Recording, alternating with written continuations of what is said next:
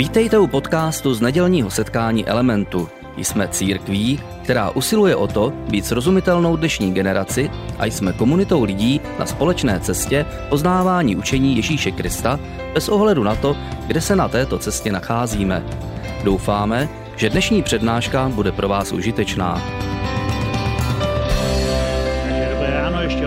Jsem rád, že jste dorazili dneska do Elementu. Dneska, jako vždy tak říká na začátku, budeme pokračovat a zároveň končit s naším seriálem, který jsme nazvali Stále na cestě, stále spolu.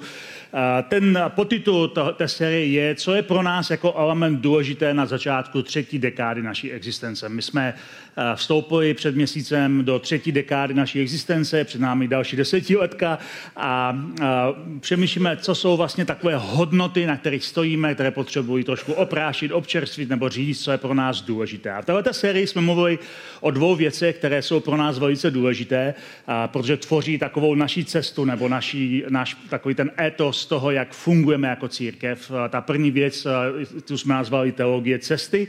A v, té, eh, v téhle hodnotě my říkáme, že vlastně naším základním nastavením jako elementu je, že vytváříme prostor eh, pro srozumitelný a přátelský prostor, aby lidé mohli objevovat Boha svojí vlastní rychlostí a svým vlastním způsobem. Aby každý, kdo je na cestě, bez ohledu na to, kde se na cestě nachází, mohl poznávat Boha.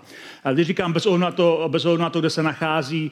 My jako církev chceme být církev pro všechny lidi, kteří chtějí být jako takový poutníci, kteří objevují, co to vlastně víra je. Proto mezi nás chodí lidé, kteří jsou všude na tom spektru. Chodí nás mezi, mezi nás lidé, kteří jsou ateisté, kteří um, chtějí zjistit, o čem vlastně křesťanství vůbec je. To je naprosto suprová věc. A agnostici, kteří neví, jak to vlastně je a chtějí si udělat nějaký obrázek. Takový ty klasiční těžší něco jistí, kteří věří, že na námi něco je, ale neví, co to je, chtějí si udělat obrázek lidé, kteří, kteří jsou kdekoliv na cestě pochybující, skeptikové, lidé, kteří uh, mají problémy s určitými pasážemi v Bibli, se kterými mám problém taky, uh, až po lidi, kteří všemu věří a všechno přijímají. My jsme na té cestě. A každý z nás je někde na tom bodě cesty a společně uh, poznáváme, jak to vlastně s vírou je. Co to znamená následovat Ježíše v prostředí různých nápadů, různých názorů, a různých protikladů a o tom vlastně ta naše teologie cesty. A jak už Dita říká na začátku, není to jenom o tom, že my jsme na cestě k nějakému Bohu tam někde, který na nás čeká, ale my věříme, že Bůh je dynamický a že On sám je neustále v pohybu a jak slibuje Jakub ve své epištole, když se přiblížíme k Bohu, On se zase přiblíží zpátky k nám, protože Bůh je dynamický, Bůh je vztahový, Bůh reaguje, Bůh je responsivní a Bůh je neustále na cestě spolu s námi a to je pro nás velice důležitá věc. Pak jsme mluvili v druhém díle o cnosti jednoty. Mluvili jsme o tom, že jednota může mít dvě podoby. A jednota názorová, jednota víry a pak jednota ducha, kde jsme poutáni poutem pokoje. O obou dvou mluví apoštol Pavel ve svém dopise efeským a je to, je to krásný obraz, protože tam ukazuje, že jednota víry, názorová jednota je možná pouze, když jsme všichni ve zralém, dokonalém lidství, kde momentálně si myslím, že se nikdo z nás nevyskytuje. A, ale směřujeme tam, je to náš směr, kam směřujeme, ale než se tam dostaneme, potřebujeme mít jednotu na jiném základě, než je jednota názorová nebo jednota víry, a to je jednota ducha, kdy jsme poutání poutem pokoje. A o tom vlastně je celá, celá ta epištola, abychom mohli, tady ten dopis, který Pavel napsal, abychom mohli fungovat jako ten duchovní dům, který roste na jediném základě, který stojí za to mít a tím základem je samotný Ježíš a jeho osobnost, jeho učení. Na tom základě stojíme, tam se zhodujeme a na něm stavíme ten dům, duchovní dům. A říkali jsme si takové heslo, které poprvé máme zachyceno ve spisech jednoho luterského pastora ze 17. století, kdy on říká, že bychom měli v podstatných věcech mít jednotu, ve sporných věcech svobodu a ve všech věcech lásku. A to je takový základní princip, že jsou věci, na kterých se musíme zhodnout, tam je to jasný, abychom mohli jako komunita fungovat, ale pak jsou věci, eh, kde se nezhodneme. A těch je celá řada. Je dokonce mnoho věcí, které se na první pohled zdá, že, že to je zásadní, a to zásadní jenom třeba pro nás a není to tak zásadní a měli bychom to mít svobodu, ale ve všech věcech bychom měli hledat společně lásku, protože jsme spoutáni a, a poutem pokoje a to je vlastně projev té lásky v komunitě. Takže tohle byly naše dvě hodnoty, které jsme probírali dosud. Dneska se podíváme na třetí hodnotu a ta se jmenuje glokální církev. Glokální církev. Ona si říkáte, glokální církev, to jsem to slovo nikdy neslyšel, co to znamená glokální, jako e, od čeho to je.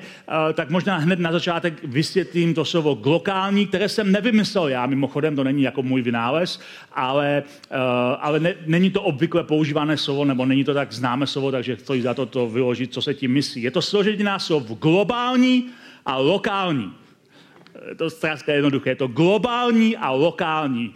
A globální církev je církev, která si uvědomuje, že, a, že a, je globální, ale zároveň je na jednom místě a pracuje na jednom místě lokálně, ve fyzické lokalitě, protože někdy se zdá, že je to buď nebo. A že jsou církve, které říkají, my pracujeme tady, nás nezajímá svět, my, se, my jsme jenom pro lidi, které tady vidíme. A pak jsou církve, které říkají, ne, my máme globální vizi a nás vlastně nezajímá moc ten, co to se děje kolem nás, ale my máme vizi pro celý svět.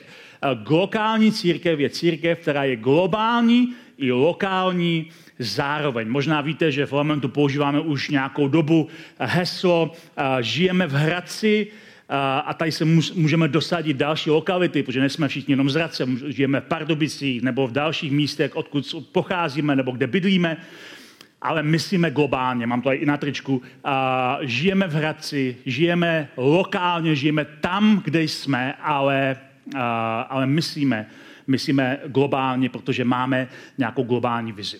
A abychom chápali, proč je to pro nás jako pro element důležitá hodnota, tak uh, mnozí z vás znáte můj příběh a znáte příběh elementu, ale někteří z vás ne. A možná je čas uh, to trošku osvěžit a oprášit, abych vám řekl, proč je to pro mě osobně důležitá hodnota a proč je to důležitá hodnota pro nás jako pro element, jako pro církev. Protože my máme svoji historii, jak jsme vznikli a máme svoji, uh, svoji cestu a já mám svoji historii a svoji cestu. Než jsem začal Element před 20 lety s Ditou, než jsme začali tuhletu církev, tak jsem pracoval v Chomutově pět let, kde jsem pracoval jako koordinátor krátkodobých misijních týmů. To byly týmy, které přijížděly z celého světa pomáhat našim church planterům, lidem, kteří zakladají církve v severozápadních Čechách. Já jsem organizoval jejich, jejich misijní tripy, staral jsem se o to, aby všechno proběhlo, jak, se, jak proběhnout má. Každý rok jsme měli zhruba 15 takových týmů z celého světa a mým úkolem bylo prostě to spojit a organizovat. To byla moje práce. Ale ještě předtím, než jsem byl v Chomutově a dělal tuhle práci, tak jsem byl misionářem. Když mi bylo 18 let, tak mě moje církev, jako element patříme do apoštolské církve, vyslala jako prvního letničního misionáře a pracoval jsem v Indii jako misionář a bylo to, bylo to pro mě ohromný zážitek. Byl to ohromný zážitek, protože jsem poprvé v životě žil někde v úplně cizí kultuře, úplně sám, byl jsem tam s nějakýma finama, takže český jsem vůbec nemluvil, bylo to velice prostě pro mě náročné období, protože jsem zažíval nepoznané do té doby a to, bylo, to byla půlka 90. let, nic předtím se nikde moc nikdy necestoval, a e, jedna z věcí, která mě hluboce ovlivnila, když jsem byl e, v té Indii, e, bylo, že jsem poprvé v životě viděl opravdovou chudobu. My tady někdy mluvíme o tom, že lidé jsou chudí, ale to, o čem mluvíme, je relativní chudoba. Relativní chudoba, že lidé jsou chudí ve srovnání s průměrem, který je v naší zemi nebo v naší oblasti. Ale tam jsem viděl, co znamená absolutní chudoba. Jak vypadají opravdu chudí lidé. Opravdu chudí lidé. A někdy, když jsem pak se vrátil a vyprávěl jsem to na střední škole, tak jsem používal příklad jedné rodiny, která bydlela na ulici, kde jsem bydlel já. A ta rodina bydlela takové chatrči, byla velice chudá a svoje děti pojmenovala Alu a Gobi, což znamená, což znamená květák a brambor. Alu je brambor, a Gobi je květák. Dneska, když půjdete do indické restaurace, tak si můžete dát alu gobi. Je to mimochodem výborná, výborná, uh, výborné vegetariánské jídlo, ale tihle lidé byli tak chudí, že svoje děti pomenovali po tomhle jednoduchém vegetariánském jídle, protože to bylo to nejdražší, co si mohli dovolit. A pro mě to tehdy byl šok, když jsem je poznal, když jsem poznával takového lidi okolo. Pro mě to byl ohromný šok, protože jsem viděl, co znamená absolutní chudoba, co to znamená, když lidé žijí v chudobě, ale zároveň jsem viděl, jak je to formuje a co to, jak, jak to mění jejich myšlení, nebo jak myslí jinak než my. A pak druhá věc, která mě velice sformovala, když jsem tam naštěvoval ty místní církve. Čas od času jsme nějakou navštívili, jsme bydleli často v místě, kde církev nebyla, protože jsme se snažili založit, ale někdy jsme navštívili nějakou jinou. A často to bylo, že jsme byli v nějaké chatrči, seděli jsme na hlíně, bylo tam kolem 5, 6, 10 lidí, pastor hrál na bobínek, což mimochodem je věc, která mi chybí, a ne, nebo to neumím a bylo by to fajn, kdybych si sednul a hrál na bobínek, aby se všichni přidali ke mně ve chvála, to by bylo skvělé, ale já nemám rytmus, to je ten problém. Uh, takže, takže to bylo skvělé a já jsem tam na těch místech zažíval ohromný průnik uh, takové boží přítomnosti v jednoduchosti a uh, kromě toho jsem tam strávil hodiny a hodiny rozhovorů s buddhisty a hlavně s hinduisty a také s muslimy a mluvili jsme o různých věcech a často jsme sklouzli k otázkám víry, protože to je pro ně důležité a protože jste chtěli zeptat na otázky a já jsem se jich chtěl zeptat na otázky. A zjistil jsem, že většina z nich jsou skutečně skvělí lidé. Že to fantastičtí lidé, většina z nich. A také zároveň, že většina z nich, stejně jako já, hledáme Boha.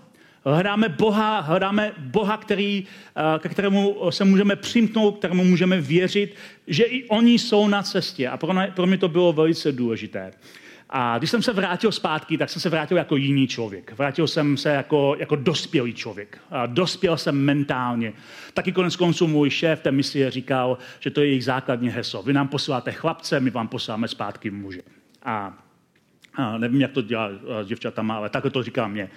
A uh, skutečně to pro mě mělo hluboký a velký vliv. Když jsem se vrátil zpátky, tak jsem se rozhodl, že vždycky budu mít na srdci globální církev. Protože globální církev je mnohem větší a mnohem lepší, než si my myslíme. A my, na, my, my jsme s nimi propojeni, i když je třeba nevidíme fyzicky, jsme s nimi duchovně propojeni. A proto jsem pak začal pracovat v misijním fondu, kde jsem byl v, v, v, v takové té Národní radě. Deset let jsem byl šéf-redaktorem misijního časopisu, který se jmenoval Překročit hranice. A, a Snažili jsme se spolu s pár lidmi změnit pohled České církve na misi a myslím, že se to změnilo, že dneska spousta místních církví v České republice má nějakou misijní práci. Má partnery v různých zemích, posílá týmy, posílá misionáře, podporuje různé věci a to je skvělá věc. Ale tehdy tomu tak nebylo. Tohle byla nová věc pro spoustu, pro spoustu lidí. A když jsme pak založili Element, a, tak my jsme opravdu věděli, že to je náš úkol jako církve, i když jsme byli úplně maličcí a začínali jsme ve dvou lidech, jenom já s Ditou, nikdo jiný kolem nás nebyl, neměli jsme žádný tým a žádnou strukturu, byli jsme jenom dva lidi, tak jsme věděli, že od začátku musíme být globální a lokální zároveň, lokální církvi. Takže když jsme začali, tak jsme, tak jsme hned první měsíc, první neděli v novém měsíci, to bylo září 2003, udělali misijní sbírku. Jsme řekli, my jsme misijní církev a teďka budeme nejméně 10% našich příjmů dávat na misi a budeme dělat, dělat každý měsíc misijní sbírky, protože věříme, že máme globální přesah. A díky tomu jsme byli schopni se během těch 20 let dostat do různých zemí, kde máme přátelé, kteří se za nás modlí. A to je úžasná věc, protože jsme s nimi propojeni. Podporovali jsme, podporovali jsme dětský domov v Kisumu v Keni, kde se ho podporujeme. Stavili jsme takové vesničky jako SOS styl domovů v Mozambiku. Pomáhali jsme vysílat týmy do Kambodže, do Norska, do Anglie, na různé další místa. Jezdíme do dneška sloužit na různá věci. Spolupracujeme s organizacemi třeba jako od Randyho Boyda, Prepare International, který tady přednášel na naše narozeniny. Já pro něho učím v některých zemích. Sám jsem učil asi ve dvou uh, tuctech zemí po celém světě, uh, v různých kulturách, v různých církvích, na různých kontinentech. Uh, a myslím si, že to je pro nás úžasná věc. Dneska máme misionáře v Kambodži, kteří se budou vracet po dvou letech v prosinci. Jako církev jsme se dostali do, do tohohle přesahu a bylo to úžasná věc. A já věřím, že každý křesťan by měl alespoň jednou za život jet na nějaký, aspoň krátkodobý, třeba týdenní misijní trip, protože nám to odevře oči ke kráse globální církve a k tomu, jako, jak my jako lidé, kteří žijí lokálně, můžeme myslet globálně. To je úžasná věc. A pak tady je další ještě věc, která se spojila s naším příběhem. Tady, když jsme začali církev, my jsme nevěděli, že tady jsou nějací zahraniční studenti v Hradci. My jsme vlastně vůbec nevěděli, jak to tady probíhá. My jsme přistěhovali z Chomutova, my jsme nevěděli vůbec nic. Začali jsme církev a hned na začátku se k nám připojila skupina, malá, maličká skupina zahraničních studentů. A možná si pamatujete někteří z vás Hanu Gunestádovou, která byla ta, která přivedla tu skupinu lidí a, ta skupina zahraničních studentů narostla. Dneska stále tady máme nějaké zahraniční studenty a pokud dneska si tady jako zahraniční student speciální pozdrav pro tebe, protože, protože my jsme strašně rádi, když vidíme lidi z jiných národů, protože to dodává celé té zkušenosti uctívání Krista ohromný rozměr, ke kterému se ještě dostanu za chviličku. Ale bylo, bylo období, kdy k nám chodilo 50, 60 mezinárodních studentů. Prostě to se střídá samozřejmě během generací, jak lidé končí studia, se vrací zpátky do svých zemí. Ale nám jako církvi ohromně pomohlo mít tenhle ten globální přesah, myslet jinak, myslet nově, protože každý ten student přinesl kus své kultury, kus svého myšlení, kus svého etosu, své rodiny a dodalo to šťávu. A já si pamatuju, jak tady na univerzitě Hradecký je nějaké regionistické studium a nějaký prostě člověk psal, měl si vybrat nějakou církev v Hradci a napsat o ní nějakou práci, vybral si element, byl tady, myslím, párkrát a pak, jsme, pak mi dal přečíst tu práci a on udělal průzkum mezi jinýma studentama, co slyšeli o elementu. A jedna věc mě tam zarazila, nebo potěšila velice, když jsem to četl. Ten člověk napsal, uh, nik, on říká, byl jsem několikrát v elementu a nikdy v životě jsem nebyl na místě, kde by lidé různých ras a různých národů se k sobě chovali tak hezky jako tam.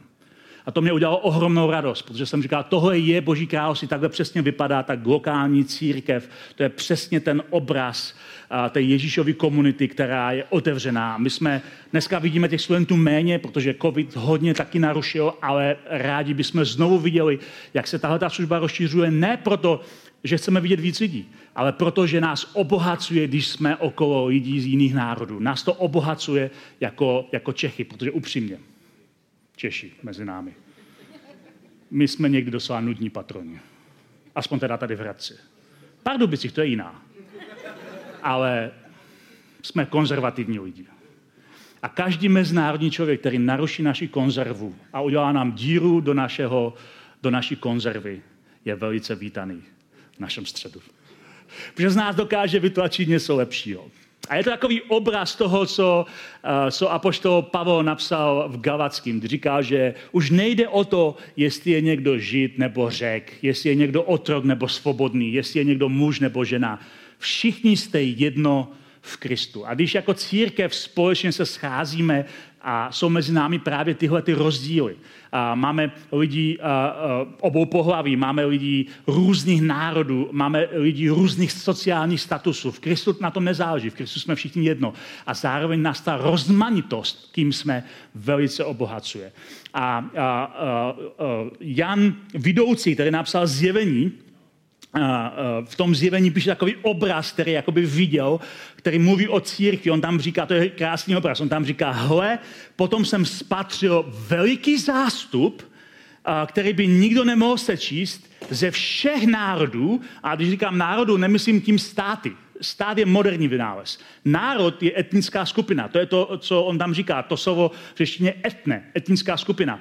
Ze všech národů a pokolení lidí i jazyků, jak stojí před trůnem a před beránkem oblečení do bílých rouch. On říká, já jsem viděl, já jsem viděl zástup ze všech národů, ze všech jazyků a, a stojí před beránkem a společně usívají a, Krista. To je, to je úžasná věc, to je obraz té církve, jak si Ježíš vysnil. Ježíš ukazuje, že Bůh nikdy nebyl jenom nějaký kmenový bůžek pro jeden národ, ale Bůh je univerzálním Bohem pro celé lidstvo a každého člověka na světě chce přitáhnout k sobě. To je jeho základní nastavení, to je jeho poslání, to je jeho touha, to je jeho mise. A my se na té misi podílíme tím, když vytváříme prostor, který je otevřený různým kulturám. A uh, myslím si, že od začátku církev tohle vnímala, že uh, uh, protože Ježíš na konci svého uh, pobytu tady na zemi, kdybychom takhle řekli, byl tady, uh, byl tady uh, nějaké roky, a než odešel do nebe, tak si mučedníkům říká to, čemu my říkáme někdy jako velké poslání. A tam mluví také o národech, o těch etnických skupinách. On tam říká, proto jděte a uh, zachovávejte, uh, pardon, proto jděte a získávejte učedníky ze všech národů zase posílá ty svoje učedníky, kteří všichni jsou mladí židovští muži a, a mladé židovské ženy. A kolem něho jsou lidé, kteří jsou obyčejní lidé často. Lidé, kteří vyrostli někde na vesnici, Ježíš je povolal a on jim říká, ale Přestože možná se cítíte, že jste obyčejní. Já vám dávám své poslání, běžte ke všem národům. Že to, co vám říkám, je pro všechny lidi. Běžte ke všem národům a získávejte učeníky ze všech národů, křtěte ve jménu Otce, Syna i Ducha Svatého a učte je zachovat všechno, co jsem vám přikázal.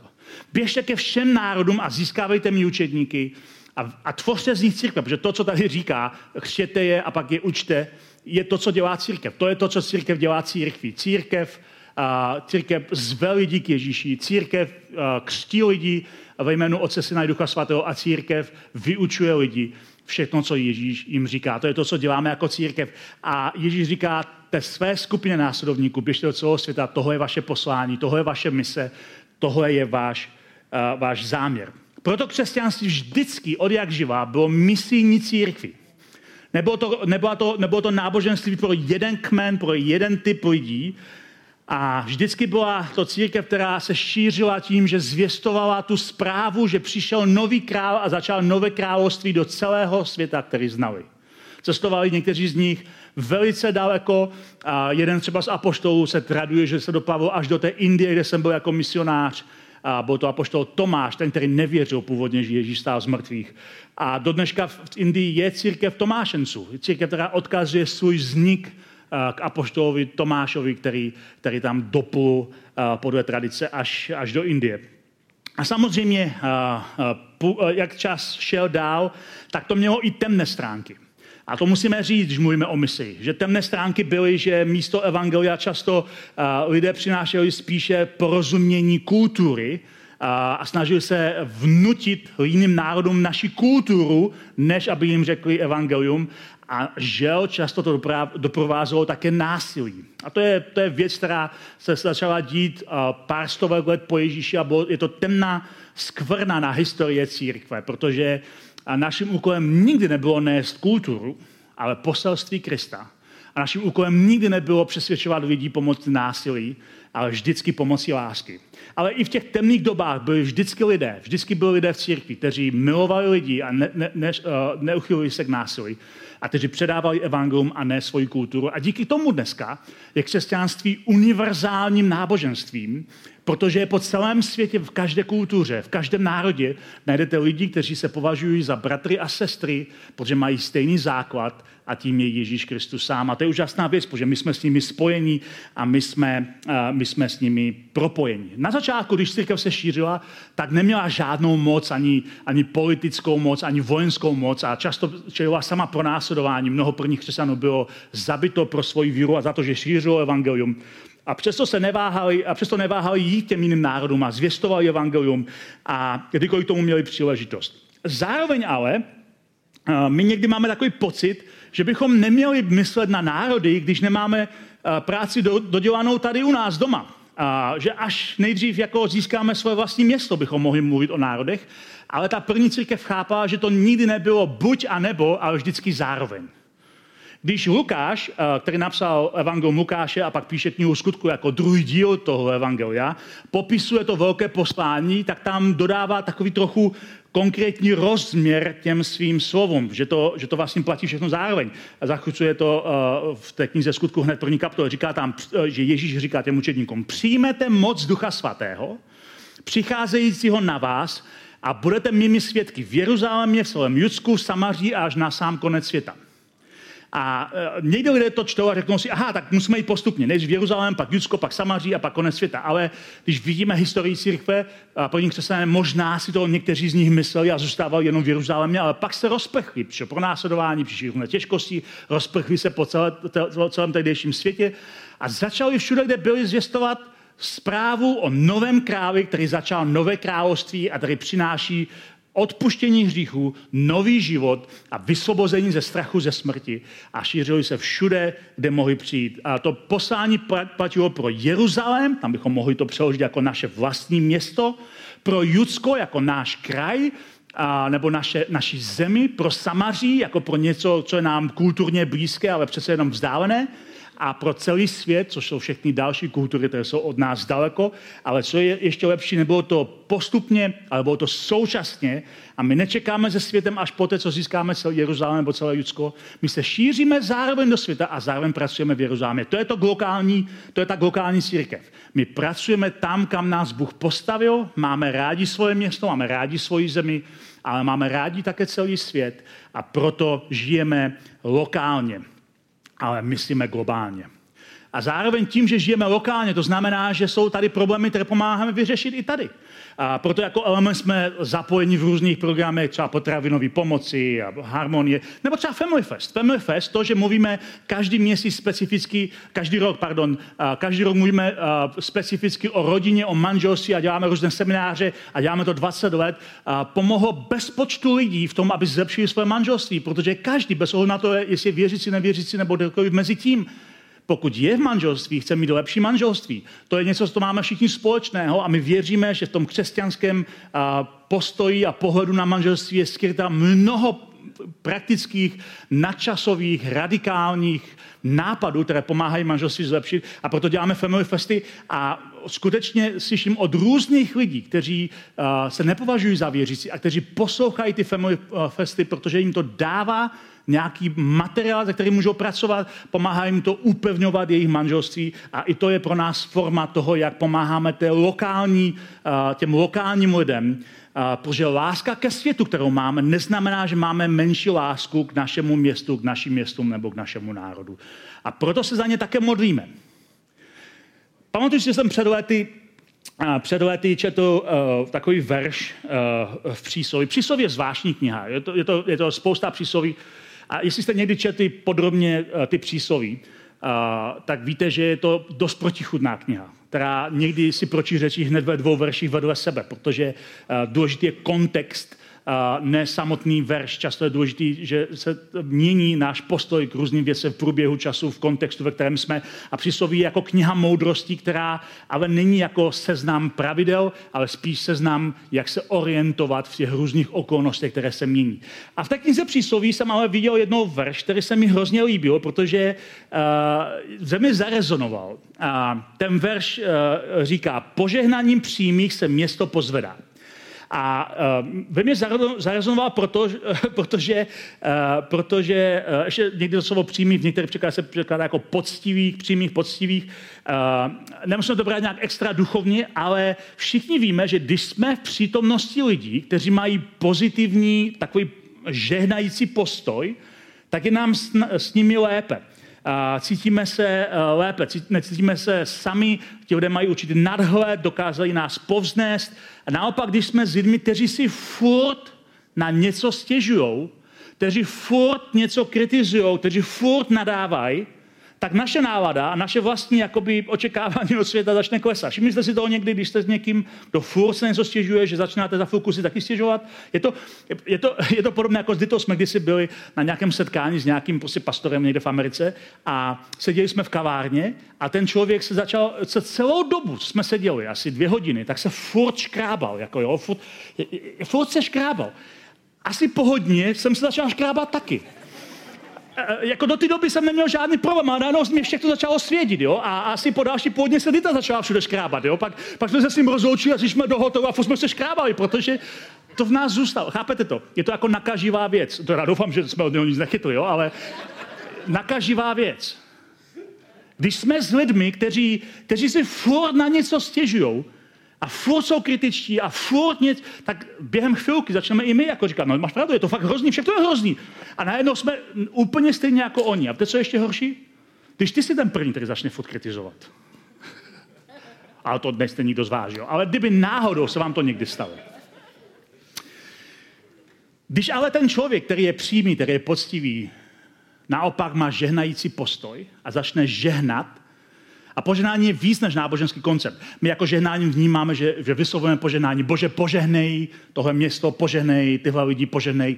Ale eh, požehnání je ještě starší koncept, než, byla, eh, než bylo náboženské chápání. Požehnání si předávali v generacích, když třeba umíral patriarcha rodiny, pozval eh, svoje vnoučata, vložil na ně ruce a požehnal jim. Požehnání, když někdo potkal někoho, vidíte to v, u, v příběhu u Jakoba, když se pere s hospodinem a pak mu říká poženej ho a hospodin ho požehná. Požehnání bylo něco, co fungovalo v různých kulturách a v různých časech jako předávání něčeho pozitivního.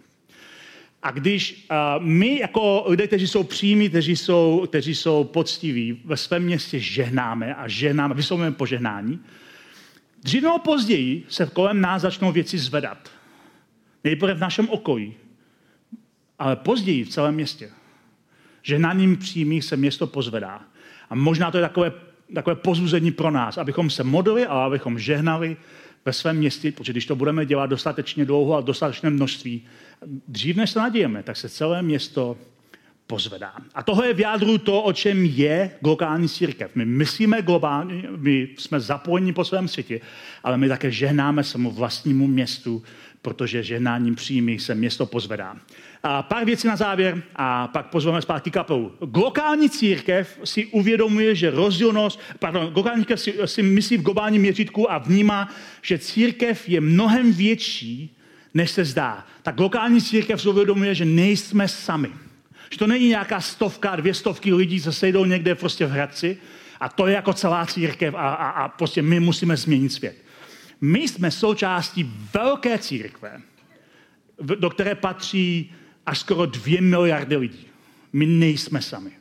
My jsme nikdy nebyli sami. A kromě toho, jak jsem mluvil o tom minulé sérii, nás obklopuje zástup svědků, těch, kteří zemřeli a doběhli svůj běh, kteří se za nás modlí, kteří nás pozbuzují a kteří jsou na naší straně. My nejsme sami. A globální církev si uvědomuje, že přestože je místní na jednom místě, tak nikdy není sama, protože ta globální církev je mnohem větší, než se zdá, že najdeme svoje bratry a sestry ve všech zemích, i v tak zavřených zemích a kulturách, jako je Severní Korea nebo Irán, kde mimochodem se dneska spousta lidí stává křesťany, o čem se moc nemluví. A to je úžasná věc. A my máme prostor se od těch lidí učit a, a být jimi ovlivnění. A proto chceme být globální církví a proto chceme mít přátelé po celém světě.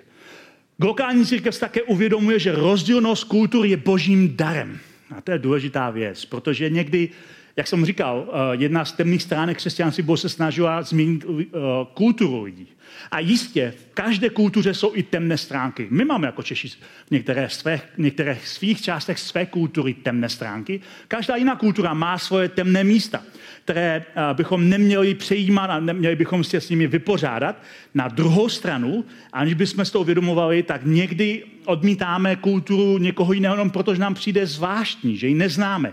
Ale jak už jsme říkali, v Kristu není žid ani řek. V Kristu jsme jedno. To neznamená, že přestali kultury fungovat, ale že si uvědomujeme, že jsme vzájemně obohacení rozdíly a rozmanitostí, kterou máme jako, jako různí lidé. A, a zároveň to znamená, že v Kristu naše primární identita není to, jakého národa jsi. Když se potkají dva křesťané z jiných národů, jejich primární identita by nemělo být, ale já jsem Čech, a já jsem Američan, nebo já jsem uh, Int, nebo já jsem cokoliv dalšího. Naše základní identita je, my jsme křesťani. My patříme stejnému králi, bez ohledu na to, kde jsme. To je naše základní identita. Naše občanství v nebi je důležitější než naše občanství na zemi. Z jakého národa, z jakého státu pocházíme, není tak důležité, jestli, to, jestli máme Krista jako základ. To je naše primární identita. Naše občanství v nebi by měla být ta primární identita, a proto křesťan nemůže nikdy z principu říct, moje země na prvním místě. Česko na prvním místě, Amerika na prvním místě, uh, Rusko na prvním místě. My nemůžeme říct naše země na prvním místě, protože my na prvním místo jsme dali Krista a on se tam s žádnou jinou entitou nesnese. To je důležité, abychom chápali. Protože pokud, a, pokud jako křesťan budeme nacionalisti, tak jsme se minuli tím, co apoštol Pavel říká, že v Kristu není žid ani řek. Protože v Kristu jsme především jeho následovníci, jsme především křesťané. To je důležitá, důležitá věc. A třetí taková věc, lokální církev se snaží přinést větší rozměr i do své lokální existence.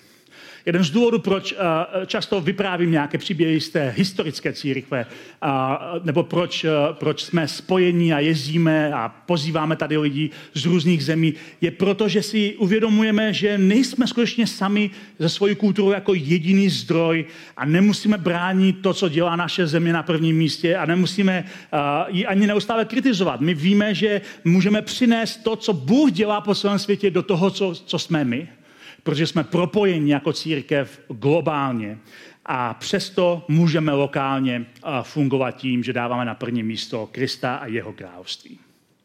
Za sebe jsem velice rád, že Element má tuhle tu historii a tuhle tu cestu.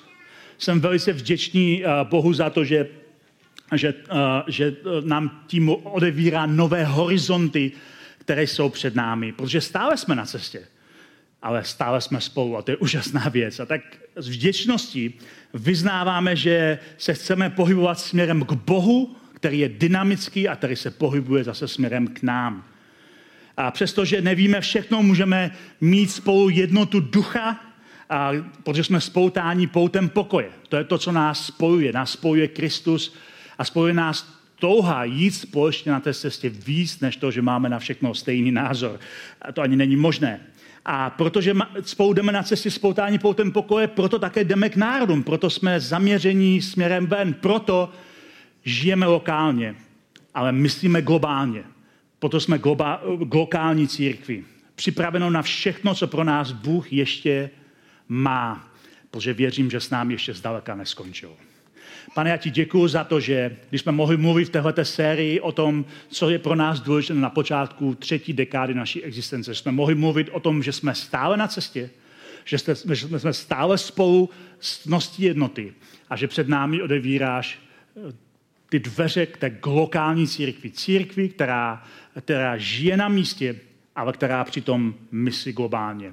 Já ti děkuji za každou, kdo na té cestě spolu s námi.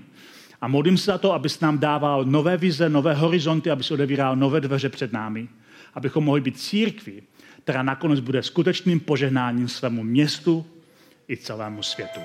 Amen. Děkujeme za poslech přednášky z nedělního setkání Elementu. Budeme rádi, když nás navštívíte také naživo, a to každou neděli od 10 hodin ráno v kině Biocentrál v Hradci Králové. Být na místě přináší větší zážitek, výbornou hudbu a přátelskou atmosféru. Více informací o našich aktivitách najdete na webu element.cx nebo na Facebooku Element Hradec. Těšíme se na vás. thank you